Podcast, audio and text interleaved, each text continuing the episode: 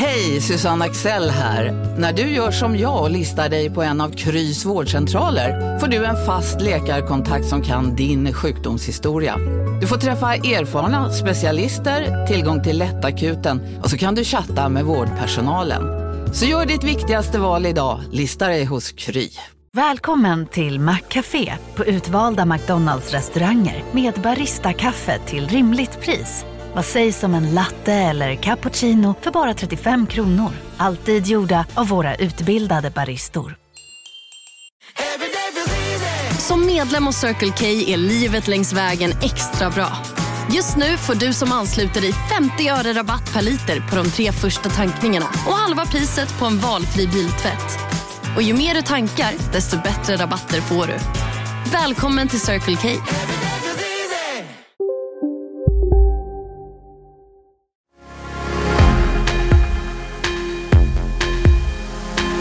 Sen ser jag plötsligt gangsterrap-våg tar över Sverige. Det är såklart varningsklockorna ringer för mig. För jag vet vad det här leder till.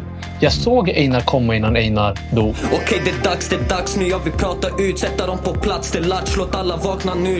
Loai Mohadjeb, välkommen du också. Eh, Du är utredare av ungdomsbrott inom polisen. Vi har gjort väldigt mycket fel väldigt länge. Nu måste vi börja göra väldigt mycket rätt. det du gör med ditt content. Du tar in eh, olika fall och dissekerar liksom ut- brottsutredningarna. Men hur det är möjligt att de går dit för att döda 60 och 60 från den positionen ovanför lyckas hinna före och skjuta dem båda klockrent i huvudet utan att bli träffad själv, det är häpnadsväckande. Loai Mohadjeb tar allt större plats i debatten om ungdomsbrottslighet och gängkriminalitet. Som civil polisutredare och afrosvensk har han ett perspektiv som är rätt ovanligt i det offentliga samtalet. På den egna Youtube-kanalen går han igenom uppmärksammade brottsfall och vid sidan av det skriver han med jämna mellanrum debattartiklar i Expressen och har deltagit i flera intervjuer och debattprogram. Han talar ofta om hur en destruktiv ungdomskultur som glorifierar våld och kriminalitet har ätit sig in i Sverige. Om gangsterrappens roll i den här utvecklingen men också om Sveriges monumentala integrationsmisslyckande. Så vad ser Loai Mohajeb själv för vägar framåt? Hur såg hans egen familjs synbarligen framgångsrika integrationsresa ut? Och lever han själv som han lär i sin Youtube-kanal?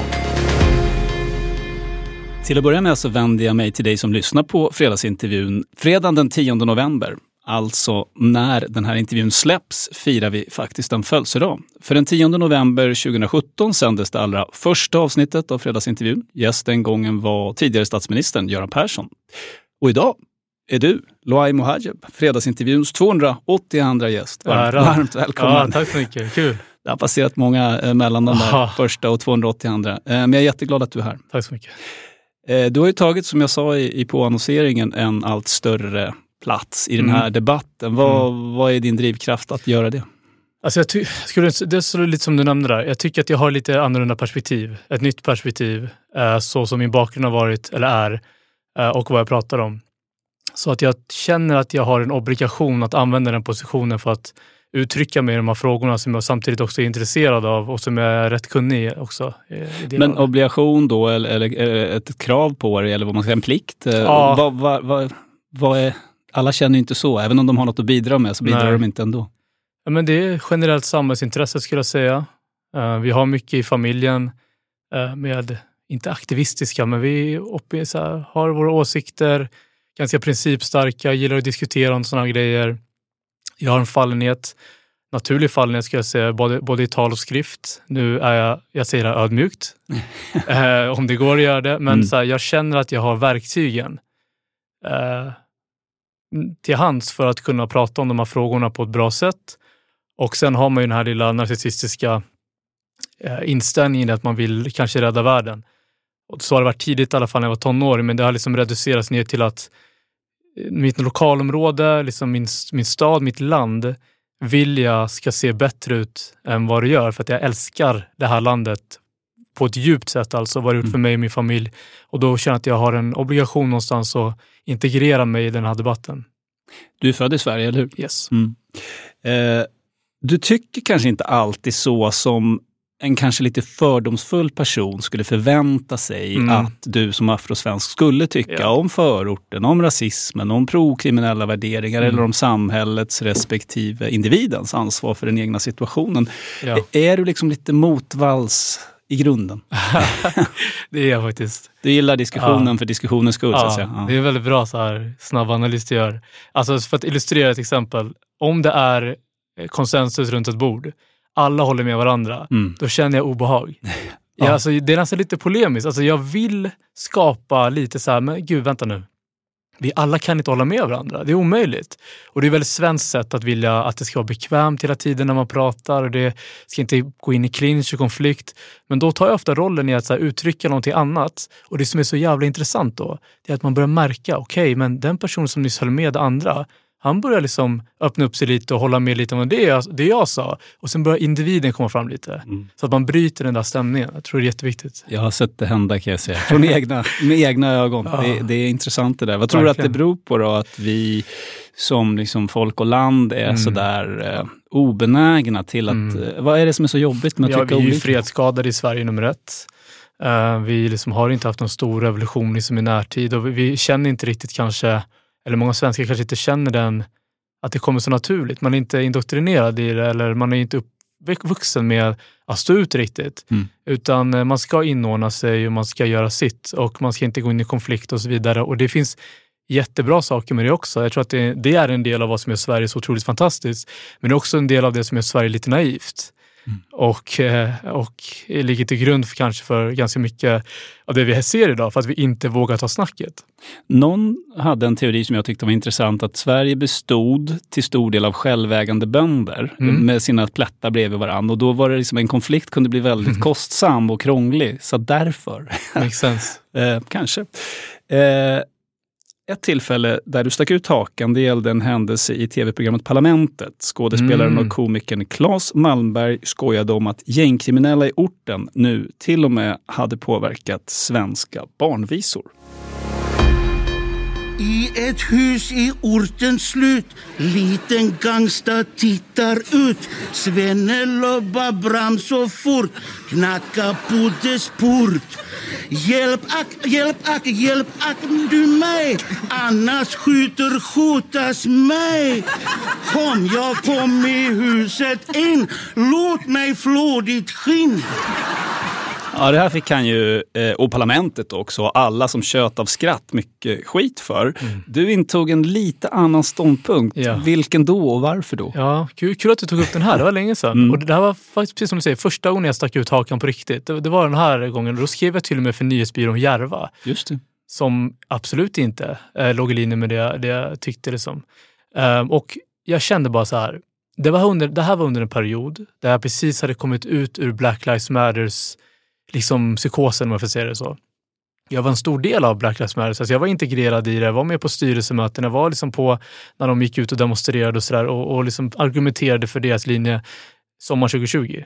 Men sakta men säkert, framåt 2021 så började men vänta då, det är något som inte stämmer här Och vad var det? det korrelerar inte med mitt liv. Eller det, det finns ingen, det här ligger inte i linje med mitt liv. Det jag blir matad, det jag så här, håller med om, är inte applicerbart på mitt liv. Jag, är som, jag har ju massa positiva saker som händer i mitt liv. Jag känner inte att rasism är något motstånd. Jag upplever inte det vara strukturellt. Nu är det anekdotiskt. Men jag upplever också utifrån statistiken jag läser och, och så vidare att den här idén om strukturell rasism som eh, eh, koncept och hur det ska påverka då afrosvenskar i Sverige, den är extremt upplåst.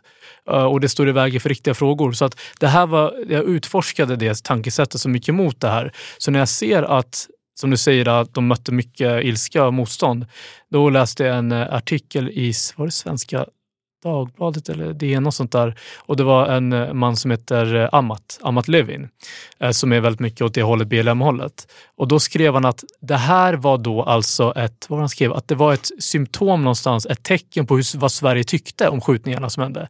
Att parlamentet, Klas skämt, skrattet från publiken, vad är det, hundra i publiken kanske, var en illustration över hur lite orten, kropparna, folk som dör i orten i kon- konsekvens av skjutningarna, hur mycket de betydde. Och att det här är liksom ett så här symptom på det, att det här är liksom något som representerar hela Sverige. Och det gör mig irriterad direkt när jag läser det. Och då så här backar jag bakåt och säger så här, men vänta nu. Du ska få skämta om vad du vill och parlamentet har existerat väldigt, väldigt länge och du har ingen aning om vilka typer av skämt som har sänds i alla de här hundra avsnitten och vad som har skrattats åt, vad som har tillåtits sändas.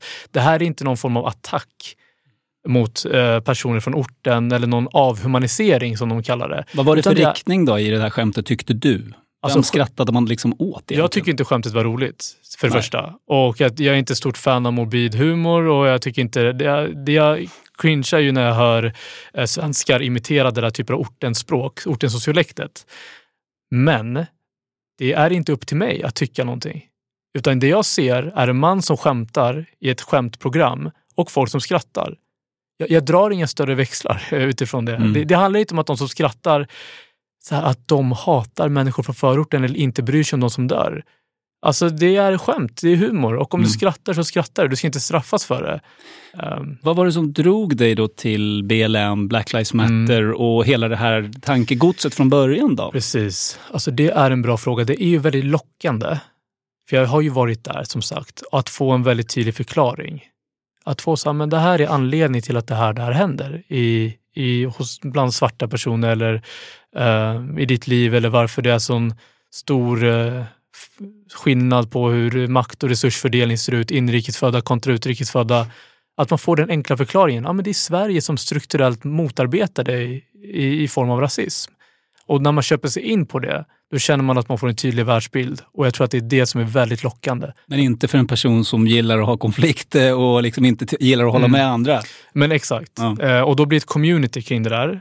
Och då blir det väldigt svårt att komma ut. För när du börjar uttrycka saker som går emot communityt, du känner av det. Ja, det jag skulle fråga. Hur Ja. har du känt av det? Vad händer? Man blir, för mig, jag tror att mina argument har varit så pass bra. Sa han att, ödmjukt. att det är bara... Shit vad jag framstår som eh, icke-ödmjukare. Men jag tror helt ärligt att det har varit så svårt att argumentera mot en person som annars hade kallats rasism. Och in, rasist och inget annat. Mm. Man har inte det på mig. Så det jag märker är att det blir tyst. Jag avföljs sakta men säkert Mm. och det communityt börjar försvinna. Men jag möts inte av motstånd, jag möts inte av motargument i någon större mening alls. Mm. Utan det är ofta husblatte eller husenordet som de kallar mig. Det har du fått höra? Ja, det har jag fått höra. Uncle Mm. Tom och sådär. Och det är Mm. en del eh, ja, från eh, minoriteter som kallar mig det. Samtidigt är det intressant att en så eh, insiktsfull person som du säger att de kan inte dra rasistkortet mot dig. Mm. Men egentligen, du kan ju vara rasist lika väl som, som jag. Egentligen. Mm, ja men så är det ju. Och, och det är väl det de vill komma med, Uncle Tom till exempel, att man är kanske självhatande.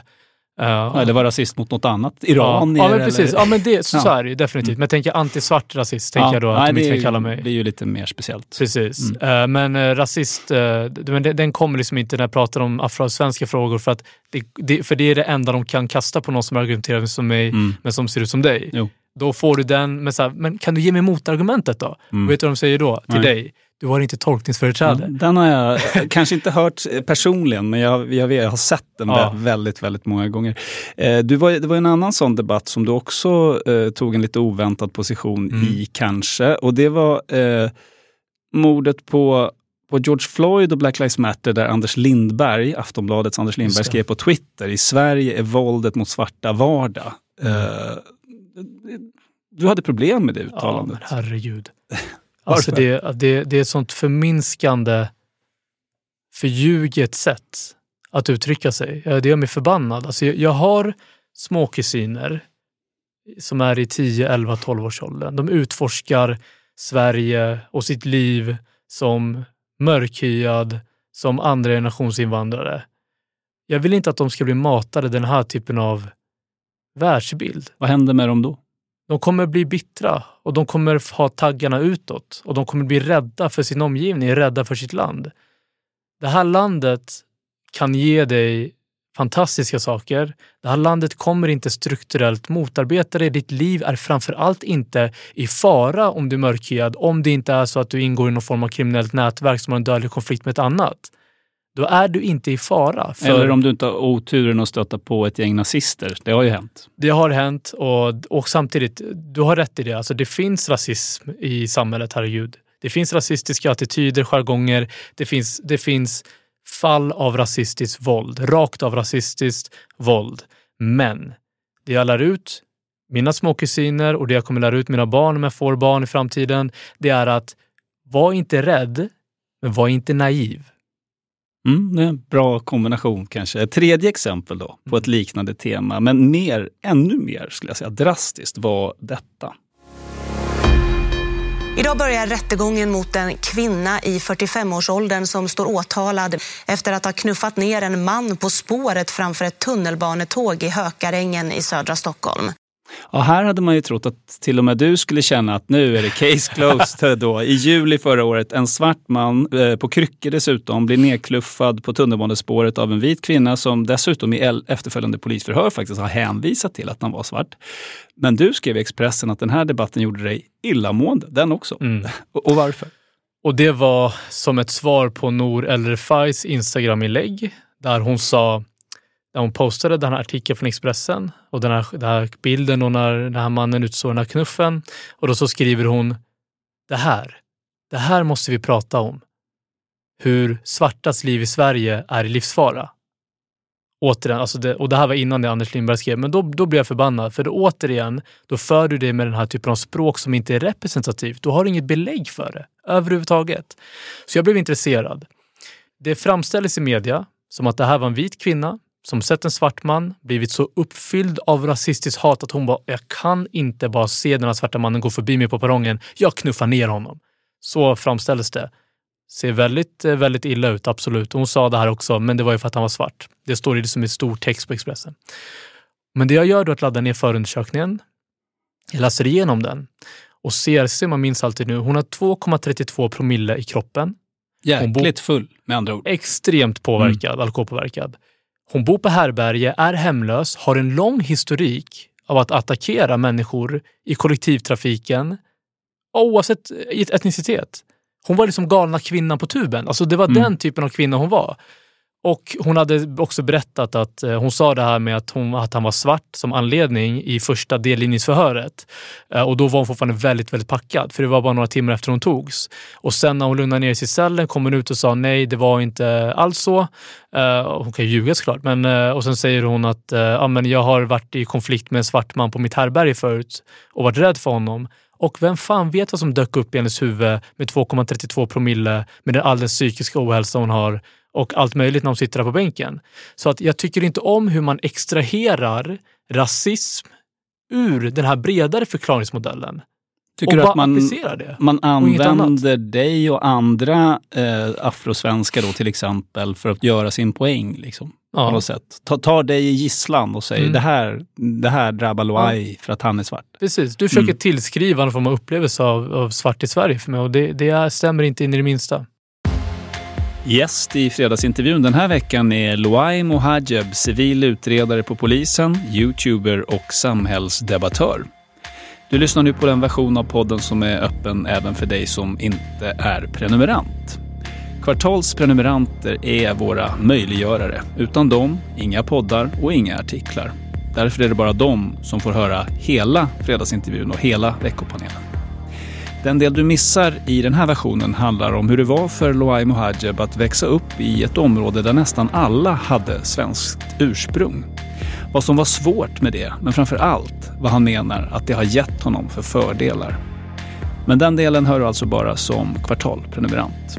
Så varför inte bli det? Då får du ta del av alla våra texter och hela poddarna från Fredagsintervjun, Veckopanelen, Opinionen just nu och Djupet. Dessutom ger du stöd till fri och oberoende journalistik. Du skaffar din prenumeration på kvartal.se prenumerera. Och som prenumerant lyssnar Hej, Synoptik här. Livet med glasögon ska vara bekymmersfritt. Därför får du 30% på alla glasögon när du väljer Synoptik All Inclusive. All service ingår alltid. Välkommen till Synoptik. Big Mac har miljarder fans över hela världen. Under mer än 50 år har den skapat popkulturell historia. En legend med 100% nötkött och den mytomspunna såsen. Nu finns Big Mac för bara 39 kronor på McDonalds. Okej hörni, gänget! Vad är vårt motto? Allt är inte som du tror! Nej, allt är inte alltid som du tror. Nu täcker vårt nät 99,3 procent av Sveriges befolkning baserat på röstteckning och folkbokföringsadress. Ta reda på mer på 3.se eller i din 3-butik.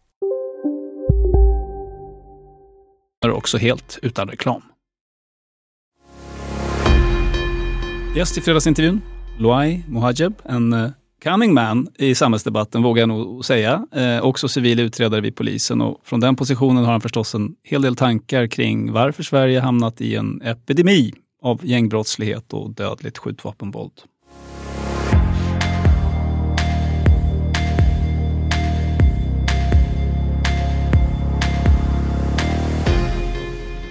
Vid en skottlossning i natten till idag i Norsborg i Botkyrka kommun söder om Stockholm skadades en 12-årig flicka så svårt att hon senare avled. Så som misstankarna har varit så har det här 15-åriga offret innan han sköts ihjäl så var han då misstänkt för att ha utfört den skjutningen. Kvinnan sköts på öppen gata i stadsdelen Ribersborg och ska enligt vittnesuppgifter ha hållit ett barn i famnen när hon blev skjuten. Det här är Milo, 13 år. Han hittades död i ett skogsområde i Handen söder om Stockholm den 11 september i år. Nu bekräftar åklagaren att Milo blev ett offer för gängvåldet och att han sköts i huvudet.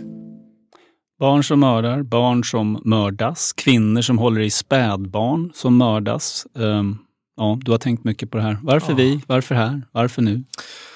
Det är eh, förkastligt alltså att, att det här är Sverige och att det här är historia från Sverige. Eh, men om man ska ta lite så här halvt långrandig förklaring. Gärna. Okej. Så, att, så att det, det jag tror är då att i 20-25 år nu har det varit en, en migration från väldigt fattiga länder i subsahariska Afrika och Mellanöstern under lång period. Och det är en som konsekvens av politisk instabilitet och krig och konflikter från de här områdena. Det är främst Somalia, Irak och Syrien, till viss del Eritrea, lite Afghanistan och Sydasien. Så de kommer i väldigt stora massor. De flyr från de här platserna, vilket är helt rimligt. De här familjerna vill skapa bättre liv för sina barn och sina familjer. Men de kommer från platser som är diametralt motsatt Sverige längs alla aspekter. Det är kultur, språk, religion, normer, ekonomi, utbildningsnivå. Sverige har haft jättestor famn, jättemycket empati, med väldigt, väldigt få verktyg och liten förmåga att på ett adekvat sätt integrera de här familjerna. Då. Men vi har haft väldigt så, jämfört med våra grannländer, stor famn. De här familjerna har kommit. Mellan 64 och 75 har det byggts en miljon eh, bostäder eh, som konsekvens av miljonprogramssatsningen. Och det var ju högkonjunktur under den perioden efter kriget. Det var mycket tillväxt, mycket arbetskraftsinvandring, men befolkningen växte väldigt snabbt och därför byggde man då de här bostäderna.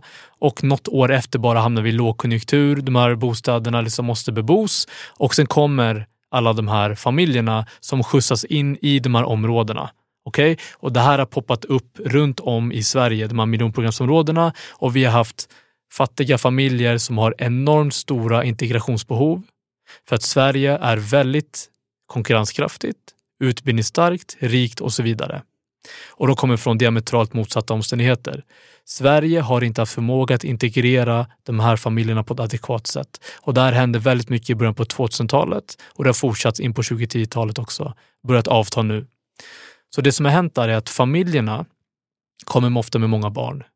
Det är inte föräldrarna som blir kriminella eller gängkriminella. Det är inte de äldre som blir gängkriminella. Det är pojkarna som har vuxit upp nu i de här områdena som har drabbats av segregation, utanförskap eh, och eh, relativ fattigdom, trångboddhet och allt sånt där. När de växer upp i de här områdena, då känner de att vägen in till majoritetssamhället, ekonomi, social status, att klättra i karriär, allt det här som vi i väst lär oss är väldigt viktigt, den vägen känner de är helt stängd. För att de har inte tillgång till svenska språket någonstans egentligen och de känner inte att de har samhörighet i Sverige. Så de växer upp, men de vill också ha social status som du och jag. De vill ha kläder och smycken och, och kvinnor och status och, och rikedom. För att de ser allt det här konstant, för att de matas av den bilden. Men de kan inte utforska att klättra inom legala statushierarkier som vi gör när vi utbildar oss, jobbar och tänker långsiktigt. Varför kan de inte det? De upplever inte det, Nej. för att de inte känner någon samhörighet till landet. och kanske till och med en frustration börjar byggas upp. Så det de gör är att de börjar utforska illegala metoder att klättra i statushierarkier. Och då börjar de utforska narkotikaförsäljning, stölder, rån, kontraktsmord, kanske till och med bedrägerier som är en enorm marknad. Så de här pojkarna växer upp till unga män och börjar utforska illegala medel för att få klättra i statushierarkier. Och det som händer är när unga män konkurrerar inom illegala statushierarkier, deras sätt att lösa konflikter är att ha ihjäl varandra. Och det är så den här våldsspiralen någonstans börjar, mitten på 2010-talet, framförallt i Biskopsgården och Järvaområdet. Det är en konsekvens av att de här unga personerna som har kommit från Syrien och Irak framförallt, de har vuxit upp och blivit unga män och tonåringar och börjat konkurrera inom de här illegala hierarkierna. Um, och det förklarar då den här första vågen av gängkriminalitet för att de börjar konkurrera så pass mycket. Det förklarar kriminaliteten. Eh, jag tänker det finns ju andra länder som har liknande, skulle kunna ha liknande beskrivning även om Sverige speciellt. Mm. Eh, Tyskland till exempel. Mm. Vad är det som gör att det blir så otroligt våldsamt just här? Alltså, jag har lite dålig koll nu på Tyskland och hur jämförligt det är deras system oss emellan. Men det jag kan jämföra med åtminstone i Norge och Danmark. Uh, och jag var i Norge och föreläste för några veckor sedan och uh, de förklarade där, och som, som man förstår också, att deras invandring har sett helt annorlunda ut. Andra länder, eh, färre, färre an, förstås, men andra länder också? Färre, andra länder och mycket mer arbetskraftsrelaterat. Mm. Vi, vilket givetvis underlättar för att vi måste sluta prata om invandring som att det bara är en grej. Det är enorm skillnad på olika typer av invandring och olika länder det invandras ifrån. Det måste man få säga. Det är jätteviktigt för att identifiera vilka problem som kan uppstå. Så Norge har inte haft ett system som Sverige där så här många har kommit in och att de sen själva väljer vart de ska bo, som vi har haft i Sverige. Utan där väljer de, för att få en större spridning på, på, på invandrarna, då väljer de vad som passar bäst att de ska bo. I Sverige har vi, som jag har förstått, haft flyktingar som får välja själv vart de ska bo. Ebo. Såklart att de väljer där deras landsmän är. Det kan man inte klandra dem för. De vill ha liksom den tryggheten och sen blir det svårare för dem att integreras i systemet. Um, så, så det skulle jag säga är den största förklaringen, att vi har haft en helt annan mängd av invandring och en, annan helt, en helt annan typ av invandring som har varit mycket svårare att arbeta med. Och en, och en helt annan integrationspolitik då uppenbarligen än många andra. Ja. ja. Um, vad är det ändå som är sjukt i ett samhälle där 13-åriga barn avrättas kastas med en mm. kula i huvudet. Du har ju sett bilden. Det är någonting med den där ungen som ser, han ser så liten ja. ut. Och det finns ja. andra också för all del. Men, men jag såg den ny, nyligen. Mm. Eh, vad är sjukt då liksom? Det, alltså man ska inte underskatta människans förmåga till att gränsförskjuta och eh, härdas och avtrubbas. Det vi har just nu är väldigt avtrubbade, våldsamma anstiftare utomlands som använder barnsoldater som har blivit hjärntvättade och blivit helt programmerade av en gangsterkultur som de har växt upp i fem års tid nu som konsekvens av gangsterrapkultur eh, som är utförare väldigt ofta. Uh, och uh, gränser har förskjutits sakta men säkert. När en anhörig skjuts ihjäl på den sidan, då kommer förmodligen en annan anhörig skjutas ihjäl på andra sidan. Och på så sätt förskjuts gräns, de gränserna för varandra. Då. Hur ser den här hjärntvätten ut då? Det är många som pratar om det, inte mm. minst du. Ja. Jag skulle säga så här. Um, ur samma demografi då jag menar att gängkriminella har växt fram i de här områdena som konsekvens av dålig migration och integrationspolitik har det vuxit upp motiverade musiker och det här sammanfaller med en digital utveckling kring så do it yourself musikproduktion. Ganska lätt att skapa bra musik. Jättelätt att skapa bra musik och du har en producent som har suttit i flera år med sin laptop, blivit jätteduktig, mixa, mastra, producera och så har vi motiverade musiker som kommer från väldigt negativa platser, är karismatisk, har en historia att berätta, har kommit med en energi. Så det som händer är att allt det här sammanfaller med digital utveckling. Barn dominerar marknaden, vad som blir populärt och de överkonsumerar det de tycker om för att riktade algoritmer syftar att maximera deras engagemang på internet, på olika appar och Spotify och så vidare. Så det som händer är att en gangsterrappare som kommer från de här negativa platserna blir plötsligt med sina värderingar han har skapat kring gangsterism, materialistiskt dyrkande, pengabesatthet, han blir enormt inflytande som konsekvens av att hans musik, där han reproducerar sina värderingar tillbaka genom musiken till barn, blir superpopulär. Och så blir de etta på alla topplistor, vinner alla priser och så vidare. Och på det sättet har man skapat en extremt dominant eller gangsterkultur som dominerar svenska ungdomar och har gjort det i fem års tid. Och av de här ungdomarna som har konsumerat den här kulturen kring gangsterrap i flera års tid har det vuxit fram programmerade, hjärntvättade ungdomar som har växt fram, har, har vuxit fram genom prokriminella värderingar och eh, gangsteridentiteter som de har skapat hos sig själva. Men varför, det där är ju en diskussion som har förts ända sedan jag var liten egentligen, om kulturens påverkan. Eh, Du vet Motorsågsmassakern och framåt. Mm. Liksom. Vad är det som gör att här förmår man då uppenbarligen inte helt och hållet skilja på liksom, fiction och, eh, och verklighet? Den absoluta centrala skillnaden, det är mängden konsumtion. Det Okej. trumfar alla typer av historiska eh, motargument man vill komma till mig om att det är någon form av mo- modern moralpanik som vuxenvärlden alltid får med ungdomskultur. Allt det där måste ur fö- fönstret, ur vägen direkt. Vi pratar om en helt annan maskin. Vi pratar om en gangstersubkultur som sju till nio timmars skärmtid ungdomar har, konsumerar konstant. Finns för det, det kan jag tänka mig att det ändå är liknande musikpreferenser i Mm. andra länder som inte riktigt har den här våldsutvecklingen. Eh, är det något speciellt med Sverige som gör att det blir verkstad av... eh, Det som av är intressant där när jag var i Norge, gangsterrappare var inte nummer ett på topplistan. Det var inte topp 10, för det finns knappt. Det, Mhm. vis- det, var, det var en annan, en annan grupp från Pakistan, de har mycket invandrare från Pakistan och Norge, som eh, var etta och de pratade om samhällsproblem. Mm. de, de säljer ut varenda arena. I Sverige är det en ung gängaffilierad gangsterrappare som pratar om mord, död, sex, våld som vinner alla priser, som ställer ut arenorna, som, som hamnar etta på topplistan. Så det är skillnad i vad som dominerar barns kultur i andra länder än i Sverige. Sverige sticker ut i hur mycket man konsumerar gangsterism. Jag hörde dig dra en liknelse som du gärna får dra igen. Mm. Eh, huruvida, alltså hur ska man förhålla sig till gangsterrappen som förälder Ja. och sådär. Och det var, du, liknelsen du drog var en, en sexualförbrytare som också är en duktig konstnär. Mm, exakt. Hur går den? Så det är för att eh, personer har svårt med argumentet skilja person från verket. Att, att liksom förstå vad det faktiskt man säger. Och det jag menar är då att musik kan vara bra och låta bra och så vidare. Det kan fortfarande existera. Men vi säger då, för att hjälpa med sättet jag tänker på det i alla fall. Vi säger att en våldtäktsman målar en tavla. Den tavlan är väldigt fin och värdefull fortfarande. Du köper den. Du vill ha den hängandes på din tavla. Okej, skilj person från verket. Det är fine.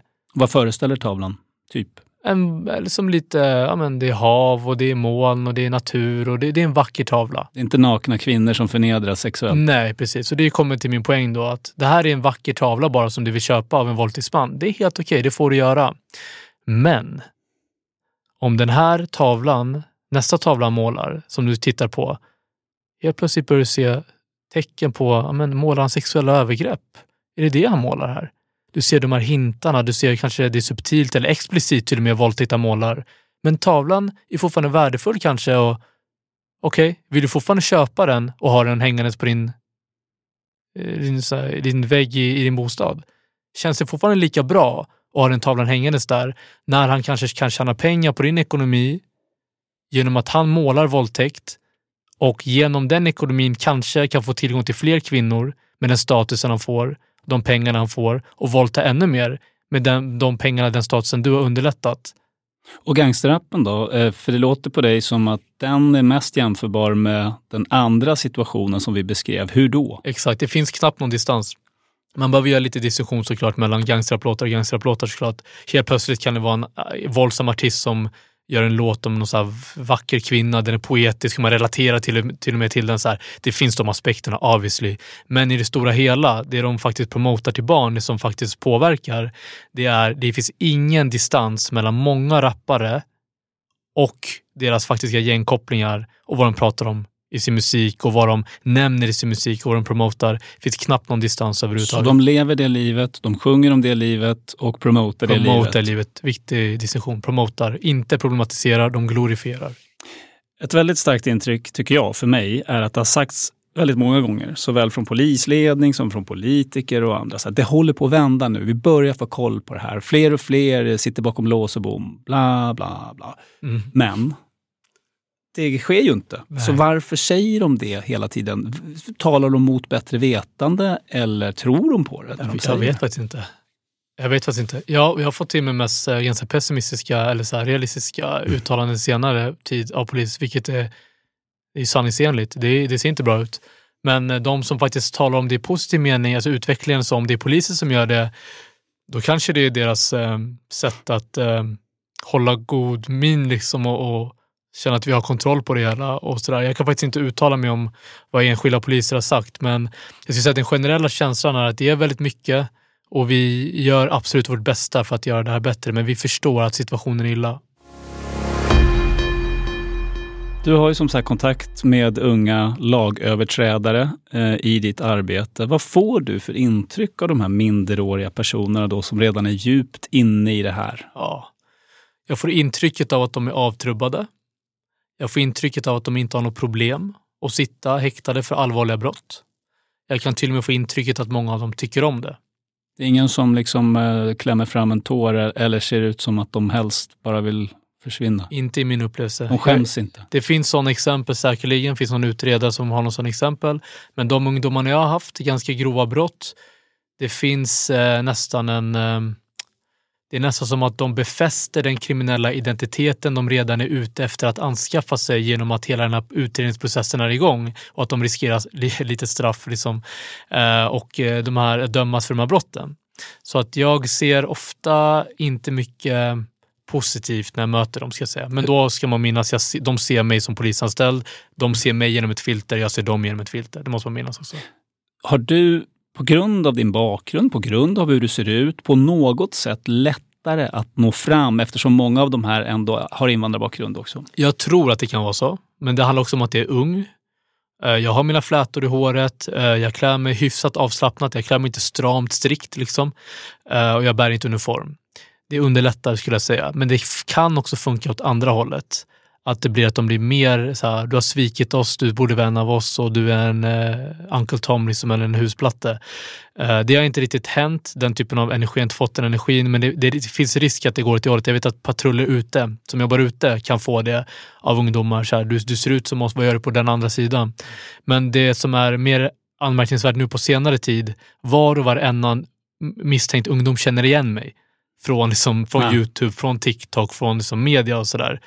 Eh, vilket gör situationen bara mer skum skulle jag säga. Men det, det, det är inte till, till fördel i, i just jobbet då eller? Jag skulle inte säga att det är, jag tror jag har svårt att tro att det är fördel, men de, de, jag skulle säga att många av dem lätt, de lättar upp lite av det. De tycker det är lite roligt. Mm. Eh, sen vet jag inte, förhören oavsett, det är, liksom, det är inga kommentarer. De ger inga, de ger inga, liksom, ingen information, även fast det är väldigt viktigt för dem att kanske styrka sin version eller styrka det kanske de som skulle vara till deras fördel, så gör de aldrig det. Så att det är inte så att ah, men jag känner igen den här polisanställda från Youtube, jag ska börja prata. Så Mm. kommer det aldrig vara.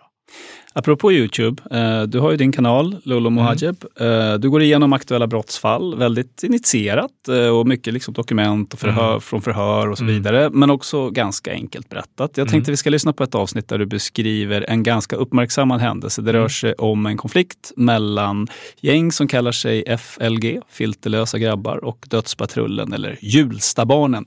Den exploderar bokstavligen vid ett loftgångshus i Hjulsta. Polisen söker av hela brottsplatsen och kan se att det finns skottskador som tyder på att man skjutit upp mot loftgången. Det har alltså varit en eldstrid mellan någon som stod där uppe och de som hittas på marken nedanför. Men det märkliga i det här är att det aldrig hittades något vapen hos varken Mikael eller Abdimalik. Man hittar heller inte tändsatspartiklar på dem, vilket betyder att ingen av dem faktiskt avfyrat något vapen. En av vittnena hade sett att en tredje person sprungit fram till de båda när de låg ner och sedan sprungit därifrån. Det är därför inte omöjligt att en tredje person har varit med dem och att det är han som avlossat skotten. Men hur det är möjligt att de går dit för att döda 60 och 60 från den positionen ovanför lyckas hinna före och skjuta dem båda klockrent i huvudet utan att bli träffad själv, det är häpnadsväckande. Eh, ett utdrag ur Youtube-kanalen då. Vad, vad är eh, din idé med kanalen? Jag tycker om att läsa förundersökningar. Eh, Jag är ganska duktig på att lagra information. strukturera upp det, få en röd tråd som en historia, eller en bok, en film. Och jag vet att det finns ett intresse för true crime där ute som är väldigt stort. Det gör det ju verkligen och jag har lyssnat på flera av dem där och de Mm. är, man sugs ju absolut Ja, in. Men det som är lite intressant här är då den svåra balansgången. För genom att uppmärksamma dem, kallar dem vid deras coola Mm. artistnamn som Sixty och Fishy och så vidare, riskerar man inte att ge dem lite stjärnstatus? Jo, det gör det. Och hur förhåller du dig? Jag har reflekterat över det en del och det, det är en jättesvår fråga. Samma sak med hur media rapporterar om. Medborgarna måste få reda på vad det är som händer. Men hur gör man det samtidigt? Hur gör man det samtidigt som man inte lyfter upp dem till någon form av status? Och i ett sunt samhälle så lyssnar man på en Youtube-video från mig och hör deras namn, situationen de är i, eller läser någonting om eh, konflikter med namn och bild i media. I ett sunt samhälle så reagerar folk med att säga det där skulle jag aldrig vilja vara i mitt liv. Jag skulle aldrig vilja synas på tidningen i det här syftet. Jag skulle aldrig vilja förknippas med kriminalitet och brottslighet. Det låter inte så kul det du beskriver på många sätt. Precis. Problemet är att det är som att jag menar att vi har en genomkorrumperad ungdomskultur idag. Där en 60 som han heter då, som är en ung kille från Hjulsta som är dömd nu för två mord tror jag. eh, att en sån person och allting som är runt om honom är eftersträvansvärt. För att man blir sedd och man får vara med på en Youtube-video, man får vara med i media och sådär. Och det är ju det är ett problem. Det är Du- det faktiskt. Du brottas med det här. Jag brottas med det och samtidigt, det jag har känt att jag har ryggen fri lite grann, det är att jag inte rapporterar på det på sensationalistiskt sätt. Jag är objektiv, jag är monoton hur jag pratar om det och det är direkt ur de allmänna handlingarna i förundersökningen. Jag gör inte min egen twist på det. Eh, då hade jag känt mig lite mer otrygg i det. Men nu känner jag att ja, det här finns allmänna handlingar i och det här är också en sann återgivning av vad utredningen visar. Det är ingen glorifierad bild av det. Mm. Och det är, jag visar också bilder i, i Youtube-videon hur sunkig deras lägenhet var. Som det, det var som du har blivit lurad av Booking.com på något eh, tvåstjärnigt hotell. Liksom. Du vet, Mm. det var skit i toaletten och det var så här, skitigt överallt. Ehm, och eh, det visar en större verklighet skulle jag säga, om när du lyssnar på en video som jag gör, än att du bara läser lite om händelsen i media.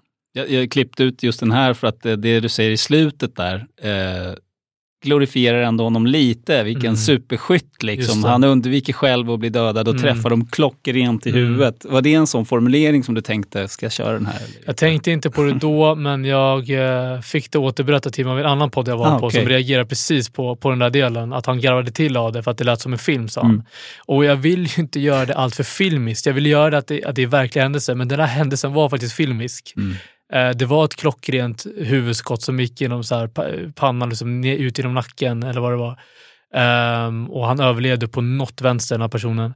För andra gången. Ehm, och ja, alltså det, det, är- det är en jättebra fråga och det är samtidigt en supersvår balansgång i det. Jag har faktiskt inget bra svar på hur jag förhåller mig till det. Eh, jag ser det väl lite som ett nödvändigt ont, att risken finns att man lyfter upp dem lite. Jag har dem också på omslagsbilden för att det är lockande för tittarna att trycka på det och sådär. Mm. Så att det fungerar en del som mediearbetare i det för att sälja in historien, sälja in videon. Men i alla fall ryggen fri skulle jag säga för att jag rapporterar om det helt objektivt skulle jag säga.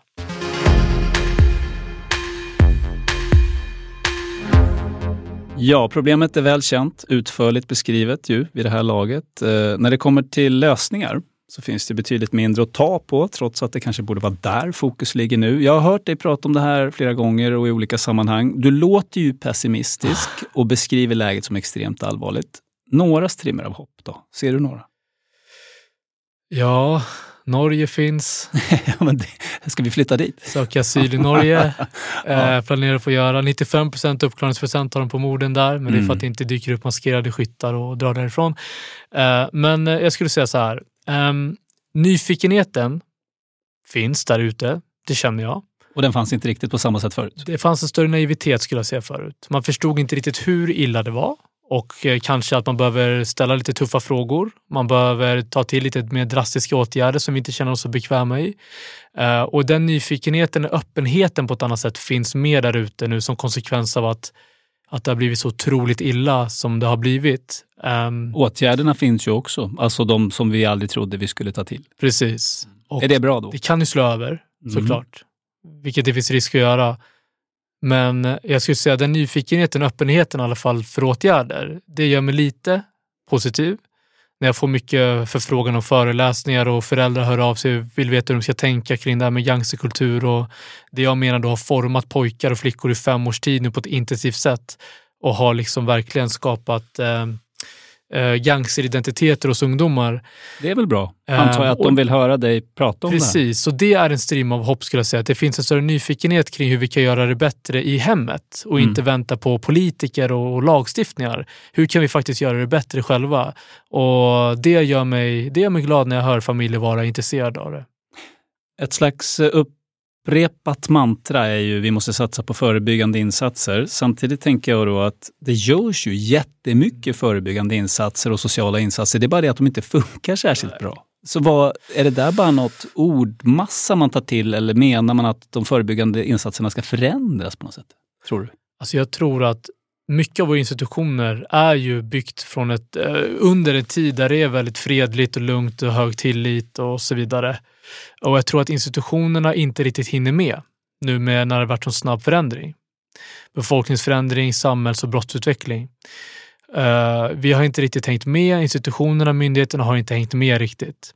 Så eh, de sociala insatserna behöver, vi behöver revidera, fördjupa vårt samarbete polis, socialtjänst, skola, familj emellan och eh, hitta nya sätt, hitta andra sätt, lite mer eh, kraftfullare sätt. Och fler antar jag. Det, det verkar ju som att de är helt överbelamrade. Ja, oh, Mm. ja, verkligen. Socialtjänsten kanske framför allt. Ehm, eh, Vi samarbetar mycket socialtjänsten lokalt då, eh, som, som ungdomsbrottsutredarna.